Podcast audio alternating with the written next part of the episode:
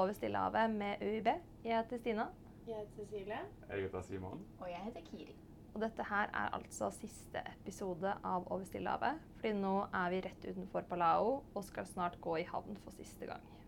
Og for første gang så har vi ingen gjester, og vi er bare alle oss fire. I studio, håper jeg. Og i dag så skal vi bare snakke litt om turen og reflektere hvordan det har vært. Og snakke om det at nå er det så nærme avskjed. Det er veldig rart. Vi har vært her i snart fire måneder. Det har jo vært en tredjedel av året eh, om bord på et skip. Eh, og nå er det plutselig slutt. Eh, og det kommer aldri til å skje igjen. Ja, det føles egentlig ikke ut som vi skal eh, bort herfra for alltid. Det føles ut som vi bare skal i havn, og så skal vi på igjen og seile videre. Nå har det blitt en så stor del av hverdagen at det føles nesten ut som det her er hverdagen nå. Det er veldig rart å skulle Ja, jeg kan ikke helt forestille meg hvordan det er å være hjemme lenger. Fordi dette her er det som er liv. Og vi har snakket om det mange at uh, det blir veldig deilig å dra hjem nå. Uh, og så blir det rart å ikke kunne komme tilbake. Jeg tror det har vært deiligst å være sånn at man skulle hjem på ferie. Bare hjem og være hjemme noen uker, og så komme tilbake, og så, så skulle alt være sånn som det har vært nå. Um, men det er jo ikke sånn det er. Nå er det, det er en veldig brå avslutning på noe som har vært veldig fint. Jeg, eh, jeg hadde vært skikkelig glad for å bare være hjemme halvannen uke, kanskje. Og så drar jeg tilbake. Og så fortsette, fortsette med her. Kanskje vi alle bare blir seilere fremover. Vi bare elsker den livsstilen om å gå frem og tilbake. Mm. Men jeg synes at det er en uh, litt sånn uh, rar stemning her, for det er veldig Folk koser seg veldig her og har lyst til å bli og har vent seg veldig til at det her er hverdagen. Men samtidig, nå den siste uka, så har det vært veldig mye prat om hva man gleder seg til når man kommer hjem, og de tingene som man eh, på en måte irriterer seg litt over på skipet, som at det alltid er fuktig på badet, og at man svetter når man eh, kommer ut av dusjen og eh, ja, alle de små irriterende tingene, så har det vært mye mer sånn prat av å, gleder meg til det ikke er sånn når vi kommer hjem. Um, men ja, så det er en sånn uh, liten dragkamp på en måte på at det blir deilig å komme hjem, men også jeg vil bare bli her. Jeg vil fortsette med det her. Mm. Ja, veldig, veldig sånn. Jeg, jeg pleide å si sånn Jeg gleder meg veldig til å komme hjem, men jeg gleder meg også ikke til å dra. Mm. Og jeg syns det også er veldig fint å kunne gi seg på topp, på en måte. Mm. Og ikke være helt ferdig etter fire måneder, men faktisk kunne holdt på litt til. Ja, det har vært en veldig fin lengde. Fordi at eh, det har vært såpass lenge at vi har blitt ordentlig gode på å seile. Og vi er blitt så vant til å være her, og det føltes så naturlig å være her. Eh, men samtidig, og det føles ut som det har vært nok. Men jeg har heller ikke lyst til å dra hjem. Det føles ut som jeg kunne vært der mer, men jeg må ikke være her mer heller. Mm. Men jeg føler også at det er eh, veldig mye igjen å lære. Så det er også en grunn til at jeg skulle ønske at jeg kunne være her lenger. For jeg gikk opp i, eh, i Roan i går og skulle beslå eh, stumpen.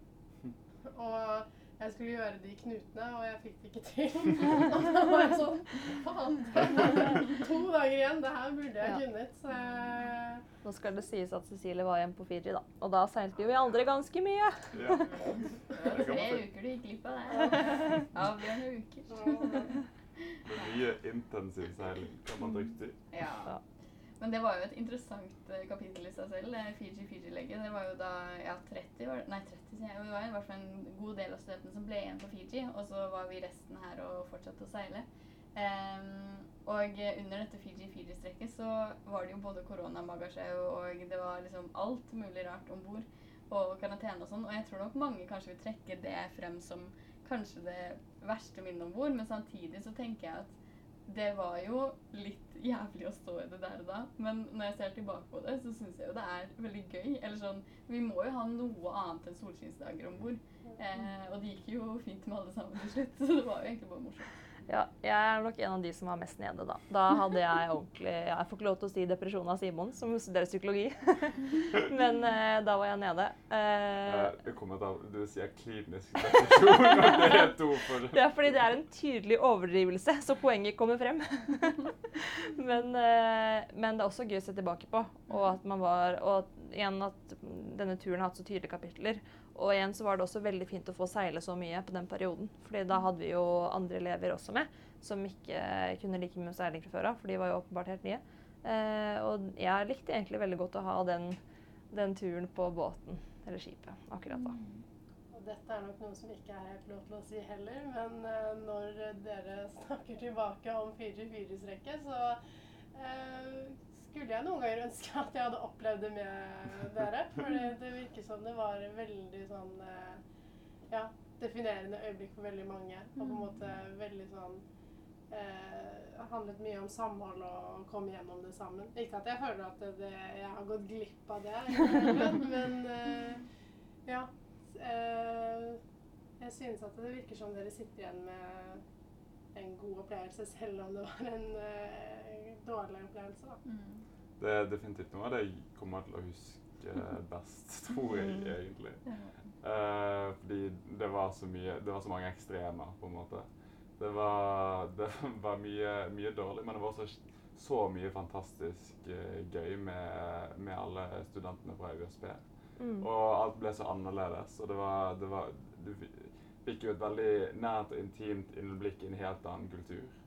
Og det, det syns jeg var skikkelig, skikkelig spennende. Mm. Og det er interessant, fordi at eh, eh, vi hadde jo den gruppen som var igjen på Fiji, og man skulle tro at de kom nærmere da på fijianere og folk fra Stillehavet. Men jeg føler nesten vi kom mer nær, nære de. Fordi at vi bodde jo faktisk sammen med dem og jobbet med dem og var på gruppe med dem. Mens eh, dere, Cecilie, dere var jo og besøkte dem i Wilderton, men dere bodde jo eh, med alle studentene fra før av. Så dere kom jo ikke like mye i kontakt egentlig um, over lengre tid.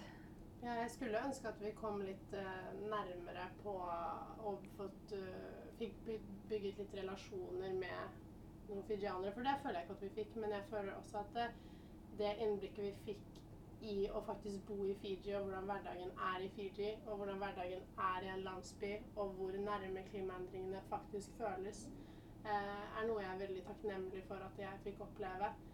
Ehm, som da dere kanskje ikke fikk oppleve Mm. i like stor grad. Uh, og det er også noe av det jeg kommer til å sitte mest igjen med uh, når jeg kommer hjem, er uh, å ville dele den opplevelsen. Og jeg føler mye mer på kroppen hvor urgent det er, da. Ehm, og jeg kom hit og tenkte at det var At klimaendringer var kjempeurgent. Men uh, nå føler jeg det enda mer. um, og presidentbesøket var jo også noe som jeg føler gikk ganske inn på alle sammen.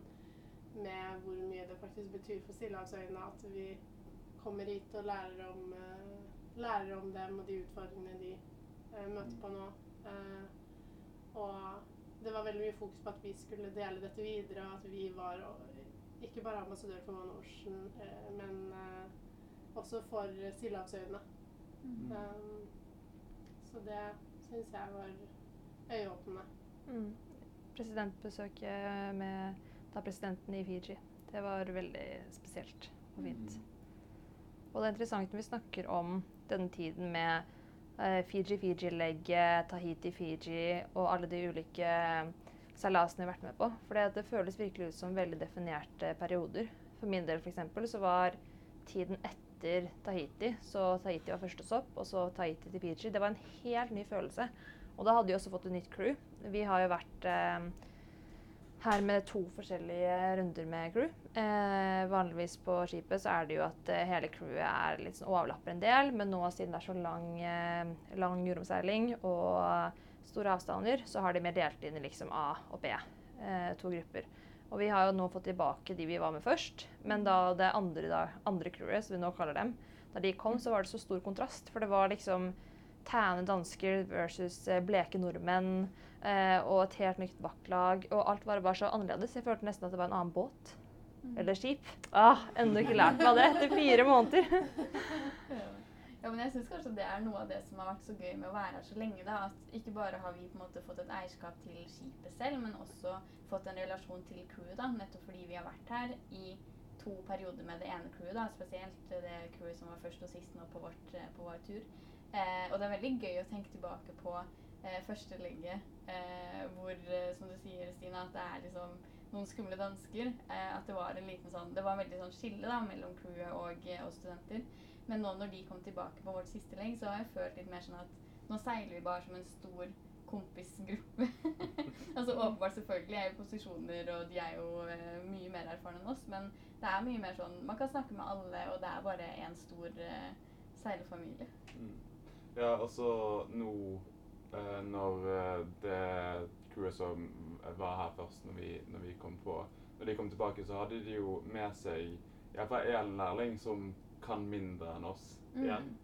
Og det også var skikkelig, skikkelig spesielt å føle liksom at, at man har kommet et godt stykke på vei eh, når, det, når det gjelder å, å, å, å seile, på en måte.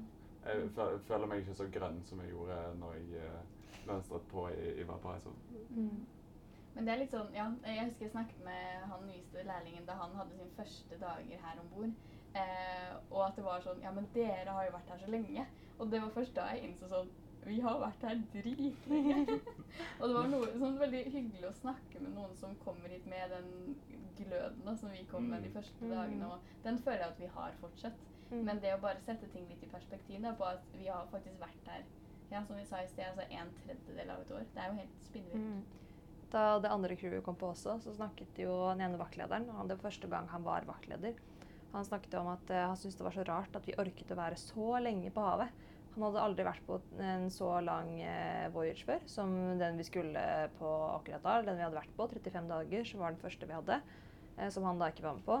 Og at vi skulle være fire måneder på havet, og syntes han var helt merkelig. Og han var erfaren seiler, men han hadde aldri vært så lenge før.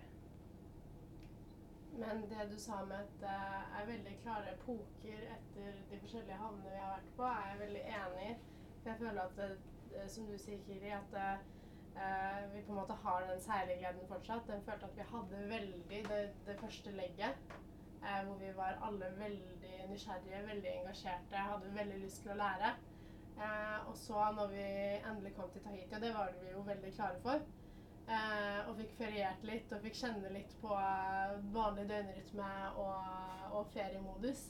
Så husker jeg veldig godt at når jeg kom tilbake på skipet, så var jeg så sliten. Kjempelenge. Kjempesliten. Og det var jo også et, eh, en litt rar overgang å få et nytt vaktlag som også på en måte Det var en helt annen dynamikk, fordi vi hadde allerede lært så veldig mye. At de kom jo inn og visste ikke hva vi hadde lært, og følte kanskje at de ikke hadde så veldig mye mer å lære oss. Og jeg husker at det, akkurat da så var det på en måte en annen stemning, og så eh, er jo Fiji Fiji helvetesuka for dere, og eh, ja, det var jo ikke stas for meg heller. jeg var jo syv dager isolasjon og syk hele tiden. Um, men ja, og nå føler jeg det siste legget som nesten er like langt som det første. Så har vi alle fått tilbake den gleden, da. Det er en veldig sånn energi eh, gjennom hele skipet. At eh, man har funnet tilbake til det og skulle gjerne bare Mm. For det er jo perioder hvor eh, det er vanskelig å få folk til å gå opp i riggen. Og en ting var i Fiji Fiji hvor det var færre som kunne gå opp. Men eh, jeg tror det var etter Tahitia, ja, så var det litt sånn øh, slitsomt gå opp, ta, ta på seg harness og føle seg, liksom. Eh, mens nå er det bare alle er kjempegira, og alle vil være med opp, og alle føler på det. Det kan være siste gang vi går opp i riggen. Og det tror jeg er en ting vi ikke har snakket så mye om i podkasten. Men det å være i riggen, liksom, er jo en helt en veldig unik opplevelse. Og jeg snakket med en annen medseiler her om dagen om det at uh, man kan glemme litt at man er på et skip når man uh, sitter på halfdekk eller sitter på dekket og bare ser utover. Du kan nesten vært på en veranda eller i park eller et annet sted. Og så kommer du opp i riggen, og så ser du at her er hele havet. Og noen ganger ser du andre ting også, men det er bare, du innser at vi er midt ute på havet på, en, på, en, på et skip. Eh, spesielt når man er på den øverste råen eh, oppe i Røylen, da ser skipet så lite ut, og alle folkene ser så små maur. og så er det liksom bare sånn bitte lite skip og et gigantisk hav. Eh, man føler seg så utenfor all sivilisasjon, på en måte. Mm. Jeg husker første gangen vi skulle opp riggen og føle seil. Da hadde tror jeg hadde vakt mens det var, så jeg hadde vært oppe bare oppe i masten på plattformene, men ikke ut på selve ut på råen, som det er de som ligger horisontalt på mastene, der seilene henger fast. Og jeg tenkte det er helt sykt at de skal opp der nå, og de ikke på natten. Og jeg var sånn, De skal opp på natten i mørket og pakke seil. altså sånn, Dette er helt sykt. Og når de da skulle opp i rå, nei, helt opp i røylen, det øverste, øverste seilet, så var også sånn Dette er jo helt merkelig at de får lov til dette. Og nå går jeg opp med den største selvfølgelighet. Men eh, jeg husker jeg tenkte at dette her er lov. Og vi er jo helt usikra når vi er på toppen der. Vi sikrer oss jo når vi kommer ut på råen. Men mens vi klatrer oppover i den nettingen som er mellom plattformene, så er vi jo ikke med noe sikring. Vi har på oss en harness, men den er ikke festet til. Og det er noe som jeg syns var veldig merkelig i dag. fordi i dag gikk jeg opp til eh, eh, andre plattform på formasten. Eh, sikkert for siste gang. Eh, og jeg har alltid hatt et ganske sug i magen når jeg klatrer opp. Og jeg har prøvd å liksom eh, ikke tenke så mye på de tankene som er sånn Du er usikra, du kan, kan falle ned, det er langt ned, det er farlig. Men i dag så var jeg sånn Tenkte ikke på det i det hele tatt. Og, og bare har blitt komfortabel med øh, å klatre opp 45 meter over eh, det store Stillehavet er jo også helt sjukt å se på nå. Og ja, skulle ikke trodd det når man startet den reisen. Mm. Ja, det er veldig rart. Og det, det er også en veldig gøy fun fact, på en måte. Ja. det er så mange, mange fun facts som man har fått her på skipet, bare å Mm. være her. Og det, det er veldig deilig, for hver gang det har skjedd noe negativt, eller noe som uh, har gjort meg litt i dårlig humør, så har jeg bare tenkt sånn Nei, men det, det er en god historie, liksom. Det, bare, det skjedde på Stillehavet. måte. Vi har jo krysset ekvator, ikke bare én gang, men tre ganger siden eh, skipet Mm. drifta tilbake. Vi måtte over på nytt. Og vi har krysset tidslinjen. Eh, vi har Hva annet kult har gjort? Jeg syns det er veldig gøy å si at uh, man har sovet i hengekøye i fire måneder. Særlig hvis man Mm. ikke gir noe, liksom, noe Kontekst. kontekst. Det er bare sånn, jeg har sovet fire måneder i hengekøye. Så er det sånn Ja, OK. Greit. Men bare sånn der, det er så mye sånne småting som jeg tror vi kanskje tenker nå at det er Ja, som vi var litt inne på i sted, at dette her har jo vært hverdagen vår i fire måneder. Mm. Uh, men når man liksom setter seg ned og tenker over hva vi egentlig har drevet med, og alle de Mm, der småtingene som har blitt en del av den daglige rutinen, så er det jo bare veldig mye rare greier vi egentlig har drevet med. Mm. Sånn som å hoppe ned og opp i den hengekøyen hver eneste morgen. Bli vekket klokken halv fire på natten for å jobbe. Altså sånn, Det er jo helt sprøtt å tenke Mm. på. Vi, har patruljert den økonomiske sonen til Tonga. Og snudd, snudd et gigantisk seil, seilskip fem ganger. Ja.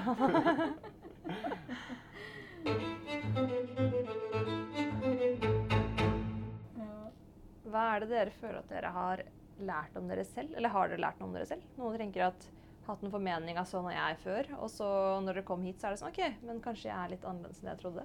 Oi, jeg føler det her er et sånt stort spørsmål som jeg egentlig har tenkt på helt siden vi gikk om bord i Valparaiso. Uh, og jeg føler uh, Ja, ikke sant? Her sitter man og grubler gruble i en evighet. Men jeg tror kanskje jeg har lært at, at man ikke trenger å stresse så mye. At eh, livet ordner seg uansett, og det, det er greit å ta det med ro. At av og til så kan man sette seg ned og bare puste, og man trenger ikke stresse fra A til B. Ehm, og jeg tror liksom alle her er jo kjempeflinke studenter som jobber hardt. Og jeg tror alle trengte det der avbrekket og den muligheten til å få igjen pulsen, altså sånn senke pulsen og få igjen pusten. Eh, og det har vært veldig inspirerende å snakke med alle disse matrosene og vaktlederne om bord. Eh, og alle har vært veldig på sånn eh, ta livet med ro og stress ned og reis mye og se verden mens dere kan.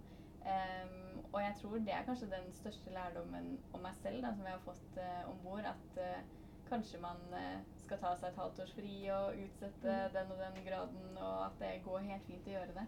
Eh, og det er veldig deilig å Mm. føle på. Og det har jeg hørt veldig mye snakk om generelt. Det er veldig mange nå som sier at de skal ha fri år, og prøve å reise samtidig og kombinere ting og ikke ha like mye A4-liv som de trodde før. Mm. Mm. føler det, det små eventyrere som er blitt eh, født både hos den ene og den andre. Jeg, Mm. jeg, jeg kjenner liksom at eventyrgnisten skikkelig har skikkelig flammet opp her. Eh, og en annen ting som jeg har lært av meg selv, er at jeg, eh, jeg trenger ikke så mye alenetid som jeg trodde. Enig! Det var det jeg trodde kom til å bli et kjempeproblem før denne turen. Eller et kjempeproblem. Et problem, da. At vi ikke kunne få alenetid. For det ble stresset så hardt at det, vi skal bo så på hverandre. Og det gjør vi jo. Men det har gått overraskende fint. Mm. Jeg, jeg trodde også jeg kom til å ha mye mer behov for å eh, gå litt vekk og være litt mer for meg selv. Men uh, når jeg gjør det, så får jeg bare sånn Nei, hvorfor sitter jeg her helt alene? Jeg kunne vært med noen. Det er alltid noen som spiller kort. Mm. Men det merker jeg at jeg egentlig gruer meg litt til med å komme hjem. At det ikke er folk rundt meg hele tiden. Mm. Og det er sånn, her er det så lett å bare liksom Du trenger ikke planlegge noe med vennene dine, da, fordi at det er bare å reise seg og gå til neste bord, så sitter du en gjeng der, liksom. Men hjemme så må du jo ta opp telefonen og ringe, og du må liksom ha tidspunkt for alt og mulig rart, liksom.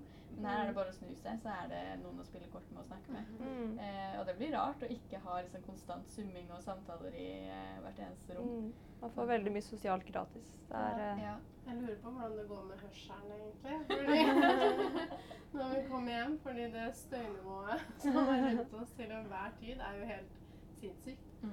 Men man ja, har vent seg til det òg. Ja, det tenkte, det tenkte jeg veldig på i går. For da, det, har, det er konstant litt støy rundt her, for det er motor som er, som er på, og det er vind som blåser. Og så I går så tok jeg på meg eh, hørselsvern, for jeg skulle, eh, jeg skulle bruke en, en maskin som, som, eh, som lagde litt høy lyd. Og så ble det helt stille med en gang jeg tok på, på meg de hørselsvernene. Og det var så deilig. og jeg har ikke hatt det helt stille siden vi mønstret på, tror jeg. Mm. Mm. Noe jeg føler at jeg eh, har lært av meg selv, er kanskje litt mer sånn OK, sånn er du, på en måte. Men at det, jeg føler at eh, man kan noen ganger på en måte frustrere seg litt over hvordan man håndterer ting, eller hvordan man eh, er, eller hvordan eh, man eh, responderer på ting og ditten og datten. Men jeg føler at eh, man har jo blitt veldig konfrontert med seg selv rundt andre. Sånn, I en veldig stor grad. um, og jeg husker at i starten uh, så syntes jeg at det var litt vanskelig å på en måte uh, være rundt så mange folk hele tiden og på en måte være, være litt sånn i følelsen av at oi, nå sa jeg noe teit, eller nå, jeg, nå er jeg litt sliten og har egentlig ikke overskuddet, men jeg må, liksom. Um, men så har jo det gått seg til, og har på en måte blitt eh, mye mer sånn komfortabel med at eh, man kan Man er den man er, og man kan være det i alle mulige sinnsstemninger. Um, så det syns jeg er veldig fint. Og så har jeg også litt mer eh, Ja, sånn er du. Mentalitet òg. som også jeg syns er fint, da. Ja, for det, det går ikke bare på en selv, det går jo på alle andre òg, på en måte. Du, du lærer deg så mye mer å akseptere at uh, folk er som de er. Og uh, det, kanskje de er litt mer krevende på denne måten, men de er veldig fantastiske på denne måten. Så man, man lærer seg å se det, det spekter av, av hvordan en person er. da. Mm. Og, for du, du er nødt til å bli kjent med dem på en måte. Uh, enten veldig dypt eller uh, ikke så dypt. Men likevel så du ser at folk er ikke bare, bare den ene situasjonen der de kanskje var litt frustrerte eller et eller annet sånt. Mm. Jeg tror jeg har lært uh, for det første at det går an å legge seg halv ni hvis du blir eh, tvunget til det. Jeg trodde at eh, jeg er veldig B-menneske. Tenkte at jeg må legge meg etter tolv, jeg kan ikke eh, legge meg før. Men jeg sovner jo halv ni hver kveld på hvit vakt når jeg må, fordi at eh, du har døgnrytmen. Eh, og så litt det som Kiri sa i sted, som jeg tenkte på egentlig først bare for noen dager siden. Når jeg lå på bakken på nattevakten og så på stjernene og spilte musikk. Og så tenkte jeg tilbake på sånn når jeg søkte dette her, og at eh, jeg hadde veldig veldig lyst. Og så føltes det ut som, det føltes ut som en sånn stor, uoppnåelig drøm nesten. Sånn, Jeg følte veldig at det skulle skje, men jeg turte ikke helt tenke på at det skulle skje på ekte. Og bare det at nå har det skjedd. Jeg har faktisk gjennomført dette, og det har gått så fint. Og jeg hadde ønska om det så lenge, og så gikk det bra. Og litt fordi at jeg hadde flaks, og litt fordi at jeg skrev søknad og brukte god tid på det. Eh, og bare sånn at eh, Det er en fin ting å ha med seg videre òg. At hvis man har veldig lyst til noe, så kan man faktisk tørre å håpe på det. Og hvis man eh, har litt flaks og jobber for det, så ja, går det an å oppleve veldig kule og fine ting. Og man har muligheter som kommer mot seg. Jeg er veldig enig. Og, og på en måte tenke at man, man kan gjøre det man, man drømmer om. da. Det er bare å, å sette seg ned og finne ut av hvordan man gjør det. på en Mhm. måte. Og så var det veldig mye stress i starten. Veldig mye sånn Åh, kommer dette til å gå? Litt fordi man ville det så mye. Jeg bare tenkte tilbake også på sånn Hvor sykt stressa jeg var. Jeg var så stressa. Og jeg tror nesten ikke jeg stresset så mye i mitt voksne liv. Eller, altså på grensa til det. For det er også noen praktiske ting. da, Sånne ting som egentlig ikke er et stressmoment.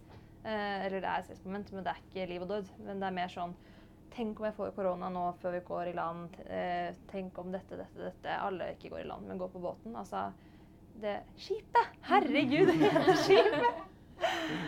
Ja. Så det er rart å se tilbake på. Mm. Jeg føler også det som du sier, Kiri, med å stresse ned, også gjelder eh, skole og studiene. Fordi eh, jeg føler jo at eh, vi har jo hatt veldig mye småoppgaver hele tiden, og småting vi må fullføre, og småting vi må gjøre, Så man som jeg kanskje har følt litt på sånn derre Oi, dette her er veldig lav Noen ganger er det sånn Oi, dette er veldig lavterskel, eller Oi, nå har vi altfor dårlig tid på dette til å produsere noe ordentlig bra.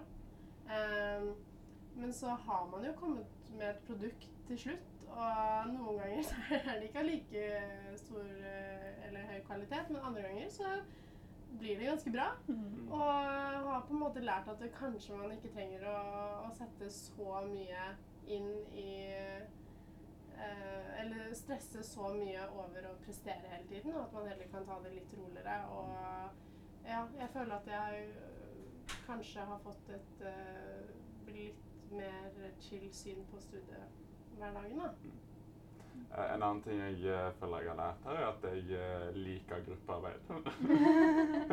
og vanligvis når jeg er hjemme, så, så er jeg mer sånn eh, Skal man gjøre noe bra, så skal, skal man gjøre det selv person. Men er det én ting jeg, jeg har fått skikkelig stor lærdom av her, er at eh, å jobbe med andre er ikke bare eh, Du får ikke ting bare gjort, men du får, får ting gjort mye, mye bedre enn hvis du er, er, alene. For uh, alle de ulike perspektivene som andre folk kan komme med, det, det er helt uvurderlig, syns jeg. Um, og så selvfølgelig noen, noen oppgaver der teamarbeid ikke har funket like bra, eller der man deler det opp, og så blir det, blir det mer individuelt arbeid. Men, men ja, bare det å snakke med andre og brainstorme med andre og uh, nyte godt av hverandres kunnskap, da. mm. er Mm. noe jeg eh, føler jeg har, har lært veldig mye av her. Også selv om vi er ofte slitne og har for lite søvn og har vært i riggen og ja, kommer på skolen og er egentlig ganske ferdig for dagen allerede, for de har jobbet, så er vi jo en eh, gjeng som har søkt oss inn på et bærekraftsevne. Og det gjør at vi har en ekstra interesse for det også. Og, og det å jobbe med engasjerte folk, eh, uansett hva de studerer, det er en veldig fin opplevelse. Så kanskje føler dere at dere ser på bærekraft. Det er et ord vi har brukt så mye på dette skipet. Sånn Ah, jeg sa skipet! Eh, men eh, bærekraft eller sustainability, som vi alltid sier, fordi all undervisningen er på engelsk. Eh, har dere endra noe syn på det, eller har dere, har dere lyst til å jobbe med det, eller gjøre noe med det i fremtiden? Mer etter dette kurset? Jeg tror det er eh, Jeg tror alle om bord må jo ha endret synet sitt på bærekraft på en eller annen måte. Um, og så er det selvfølgelig litt individuelt uh, hvor mye det er. Eh, Men for min del så altså Jeg kommer fra en samfunnsfaglig bakgrunn. Uh, så jeg har alltid tenkt at bærekraft går ut på uh, ja, Eller jeg har sett på, liksom, tenkt på det sosiale aspektet med bærekraft, og at det handler om likhet og rettferdighet og menneskene, og hvordan man kan utjevne forskjeller eh, på et sånn humant eh, og menneskelig plan. Da. Mm. Um, og det føler jeg ofte at når jeg snakker med folk om bærekraft, så tenker jo folk eh, som regel med en gang på klima og klimaendringer og naturen. Eh, men det har på en måte ikke ligget like naturlig for meg. da. Altså Jeg vet jo selvfølgelig åpenbart at det er et stort aspekt ved bærekraftskonseptet, men det har aldri vært det første som har kommet eh, poppende opp i mitt hode da, når jeg har tenkt på bærekraft. Eh, men etter å ha vært her og snakket med alle som studerer så mye forskjellig, eh, så har jeg jo eh, lært mye om det naturvitenskapelige aspektet ved det også. Men kanskje også fått mer interesse for å lære mer om det. Så jeg tror, selv om bærekraft kan være et veldig sånn forvirrende konsept, og jeg tror det er sånn klassisk eksempel på at jo mer du lærer om noe, jo mindre forstår du. Mm. Um, men jeg tror det sånn, hovedtaket jeg tar fra akkurat bærekraftsopplegget Herregud, det ordet bærekraft det kommer igjen og igjen. Men i hvert fall hovedtaket mitt derfra er nok at jeg har lyst til å dra hjem og lære enda mer da, om de sidene ved det som jeg ikke kan. Um, ja. Så det har absolutt liksom gitt meg en uh, Hva skal jeg si nå? Sparked an interest. En gnist. Yes, en gnist. Ja, takk.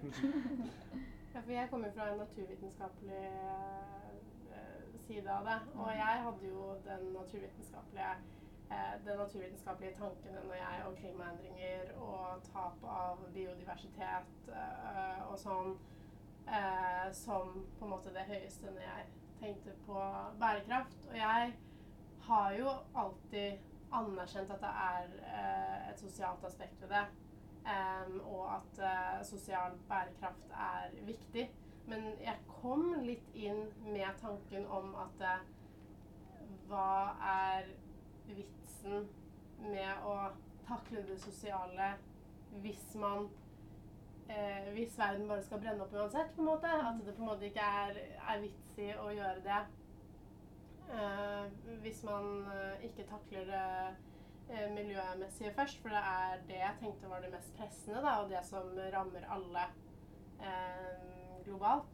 Eh, men jeg føler at synet mitt har endret seg veldig etter å ha vært der, og at jeg har fått mye eh, mer øynene opp for det sosiale aspektet ved det, og at um, f.eks. når vi var i Fiji, da, så er det jo folk som har klimaendringene nå. Eller de kjenner det på seg nå. Eh, men de har fortsatt eh, sosiale eh, problemer som er mye mer pressende, da. og som hindrer dem fra å kunne takle de utfordringene med klimaendringer. Og da Det åpnet øynene mine for at da er jo egentlig det det første vi må takle er at alle skal få muligheten til å eh, takle denne krisen. Mm. Det er interessant. og Jeg kommer fra et um, manusperspektiv. Jeg føler jeg har vært litt sånn joker uh, hver gang vi har en ny lærer i et nytt uh, tema. Hvis jeg går gjennom alle studerer sånn Ja, juss, flott. Ja, ja, statsvitenskap. Mm, biologi. Sånn man? Hva sa du, sa du? Scriptwriting? OK, interessant. Vi har noen av de jokerne om bord. Men også jeg har tenkt mye på hva min min rolle med bærekraft er eh, også. Og jeg vet ikke om jeg nødvendigvis har funnet svar konkret her, men jeg tror nok formidling har veldig mye å si for um, uh, alt som gjelder bærekraft. Og også det at man, jeg tror man blir veldig påvirket av medier. Uh, åpenbart. Brannfakkel her. Uh, og bare det å normalisere bærekraft som et naturlig valg.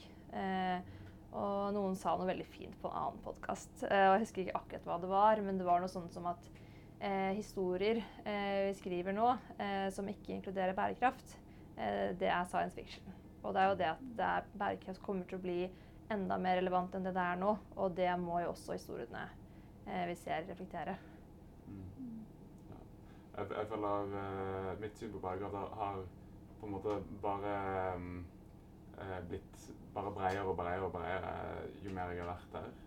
Uh, det alltid liksom vært en ting liksom, jeg, har tenkt på å være klar over, men, men her så du, Vi lever i det hele tiden. Vi, vi, har uh, to timer hver dag som er viet til bærekraft. I tillegg så snakker vi om det hele tiden med hverandre. Fra, som vi har vært inne på, alle, alle mulige ulike slags aspekt og perspektiver.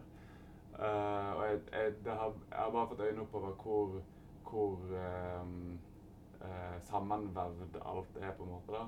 Eh, som Cecilie og Kiria snakker om med, med, det sosiale versus det biologiske, men det er ikke noe versus. på en måte. Det er ingen kamp Mm. eh, det ene feltet mot det andre, men det, det er liksom Alt påvirker alt, Mm. på en måte. Og det, det Det med at det er bærekraftig utvikling, det er ikke bare stopping av klimaforandring, men verden skal ha en bærekraftig utvikling.